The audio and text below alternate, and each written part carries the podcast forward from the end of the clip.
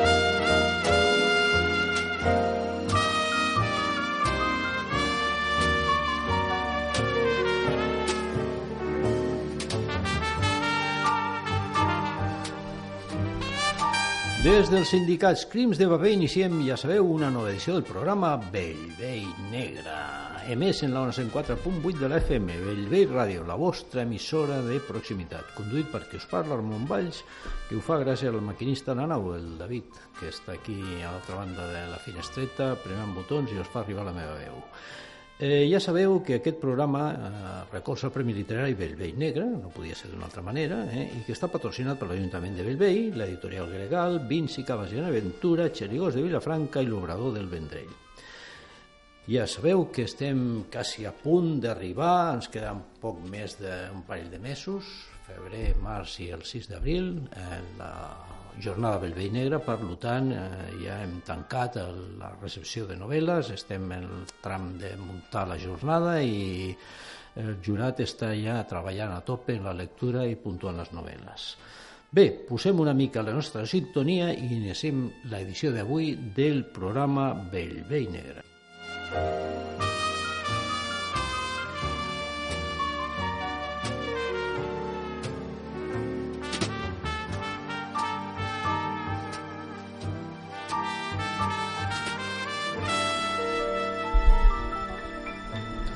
Bé, com ja sabeu, eh, estem acabant, ja, ja està tancat la recepció de novel·les i estem acabant de llegir-vos la sinopsis de les que puguem i espero que entre avui i el proper dia quedin bueno, explicades la resta de novel·les presentades i després, d'acord amb les trucades al 977 89 67 què podeu fer, veurem a quins eh, autors entrevistem per tal de que defensin els seus textos sense poder mm, dir qui és l'autor realment. Avui començaré per la novel·la que mm, es titula Tu nombre, tu abismo. I la sinopsis diu així. Yahweh está en una situación inusual y terrible, en la que ha entrado voluntariamente, al parecer un viaje solo de ida a un infierno personal del que no tiene ninguna esperanza de salir con vida. Sus errores, sus ilusiones y sus miedos aparecerán uno tras otro mientras intenta únicamente no decepcionarse a sí mismo como ha hecho tantas otras veces en el pasado. En este demoledor viaje, conforme va desgastando sus fuerzas, se encontrará con Bruno y también con Tricia, pero Yahweh no es consciente de cuál será el papel real de ambos en su historia. Ajenas a este viaje personal, solo dos personas lo están esperando, dos mujeres, y cada una por motivos completamente distintos. Solo cuando Yahweh finalice, cuando sus pecados hayan sido espiados, sus deseos se hayan visto expuestos y su alma se haya liberado de todo lastre, el viaje de Yahweh cobrará sentido. Ese viaje es el que se narra en Tu nombre, tu abismo, una novela compuesta a partir de la angustia y que recrea los horrores más primígenos de su protagonista y de las dos mujeres que lo están esperando. La soledad, la incomprensión, la desesperanza, la constatación de que la vida es una travesía absurda y carente de sentido, se van a ir conjugando alrededor de los personajes, que están unidos todos ellos por un nexo común. Han de enfrentarse a solas a sus propias desdichas.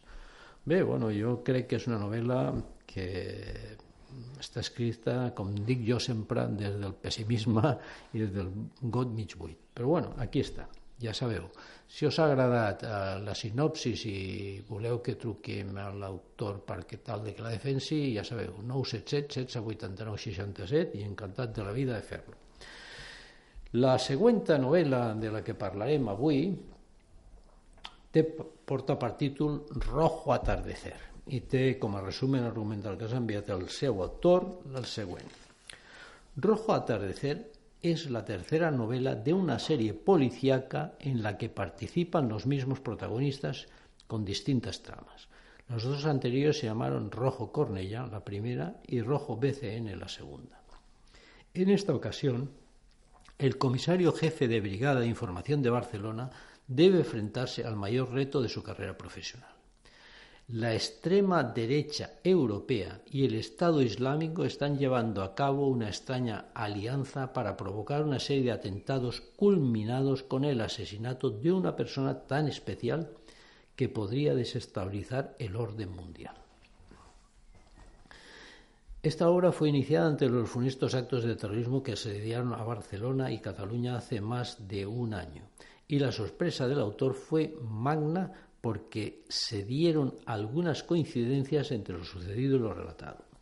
Finalmente, destacar la rabiosa actualidad de un argumento en el que se mezclan piezas clave de las actuales principales amenazas policiales y sociales, terrorismo islámico, extrema derecha y una situación geopolítica mundial tan inestable que cualquier chispa puede detonar una reacción en cadena de consecuencias imprescindibles.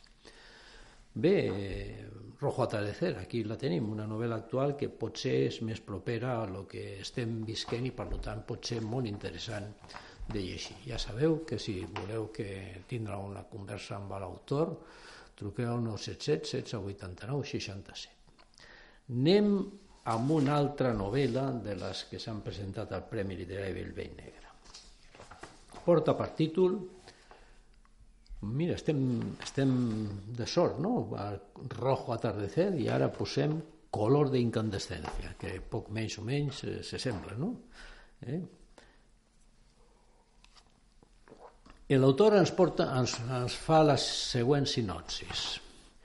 Acciones, crímenes, el entramado de varios casos, asesinatos en serie, espionaje industrial, intento de homicidio pasional, humor y secretos. Dos grandes personajes con el encanto de los de cine. Con Roxo Blanco parecería retornar al mejor Ripley. Bé, això pot ser molt interessant. Jo recordo el Ripley i és un, un d'aquests que m'encanta. Uh, con Atocha retorna a los mejores comisarios de la televisión. Policiaco, desbordado de intrigas y subtramas, Cuando pensábamos que ya nadie tendría el valor, la invención y el talento para crear una sociópata tan manipulador como atrapante, Roxo Blanco, el color de la incandescencia en la química, no tiene nada que envidiarle a Ripley de Patricia Hickman, algo que parecía impensable y se inserta en una estructura de intriga desde donde lo policíaco se vuelve, por medio de un sutil humor, lo antipolicíaco. Y es que sin dejar de ser una novela policíaca con todos los apasionamientos elementos, intrigas, suspenses y suspenses del género, es a la par una farsa, una caricatura que trazada con maestría involucra además a otros tres fascinantes personajes, todos principales. El comisario Atocha, en la línea de los comisarios conocidos del género, pero con un pasado más dramático y secreto, y las imprevisibles Valentín y Diana, todos conectados en un conjunto de crímenes, de enigmas, de historias entrelazadas que hacen de color de incandescencia una obra ya por sus secretos, tramas, fuerza y seducción en búsqueda de una versión cinematográfica. Quien la conoce inédita afirma intensa intensidad dramática y sostenida maestría, esa sorpresa a una sorpresa a Edgar Allan Poe. Bé, bueno, eh, aquí ho deixo. Mm, sincerament, eh, jo trucaria al 977 1689 67 per conèixer la defensa que pot fer l'autor d'aquesta història Color d'incandescència. Eh, anem, a, anem a una altra. Eh, té un títol molt, molt suggestiu. Tu corazón, mi venganza. Bé, pinta bé el, el títol com a mínim, no? La gent s'oscura, a vegades escurra bé els títols. Eh, I també eh, comença ver la sinopsis i em deixa una mica bocabadat perquè el personatge que és la primera paraula de la sinopsis resulta que té un caire una mica llunyà mediterrani per l'altra banda.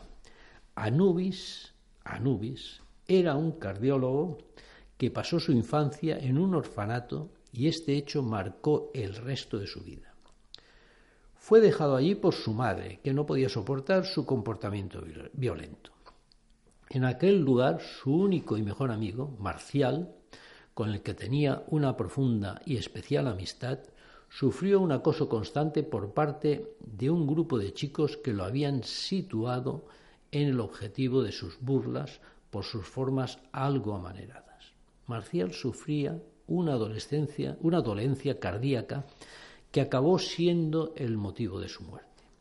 Fue terrible para Nubis y algo en su interior se rompió. Este hecho se enquistaría en su mente como una idea obsesiva. Al cumplir la mayoría de edad, sorpresivamente recibió una suculenta herencia, una casa en Tenerife y una gran suma de dinero. Gracias a esto, comenzó la carrera de medicina en la universidad, en la especialidad de cardiología se aplicó en el tema de los desfibriladores implantables DAI y su objetivo fue mejorarlos para que también sirvieran en enfermedades mentales, aparte de cumplir su tan ansiada venganza. Bueno, espero que el meu cardiòleg que em va posar fa no, poc més d'un mes no sigui aquest anubis i es vulgui, no sé, fer qualsevol venjança sobre la meva persona perquè estaria perdut, eh? No sé si anar ara mateix amb el tregui, però no, no, no el faré. Bueno, aquí deixem a l'Anubis i la seva venjança i que espero que, si us interessa que parlem amb l'autor, truqueu al 977 16 89 67. Arribem ja a la novel·la següent de les que s'han presentat al Premi Literari Bellvei Negre. Eh, la sinopsis d'aquesta novel·la titulada Hacia la libertad diu així.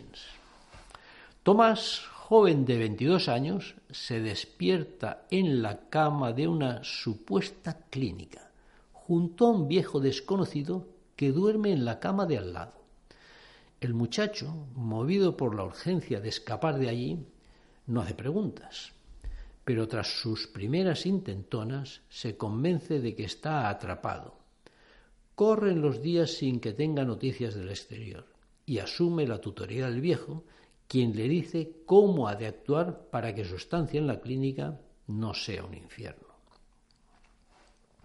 El juego de ajedrez, las visitas a la terraza panorámica y, sobre todo, las conversaciones mantenidas con el anciano hacen que Tomás empiece a conocerse a sí mismo, que se haga preguntas sobre la vida y que finalmente se enfrente a la muerte. El joven cree haber ingresado por el asunto de su neurosis obsesiva, de la que se curará, según el viejo, cuando él muera. Con esa esperanza empieza a correr los días, dulcificándose con el conocimiento de Marta, una joven ingresada de su misma edad.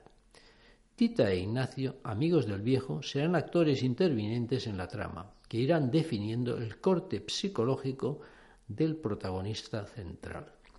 Cuando el viejo está a punto de morir y Tomás paladea la libertad, el moribundo le confiesa la verdad de su coincidencia en la misma habitación. Está en el futuro y los dos son la misma persona.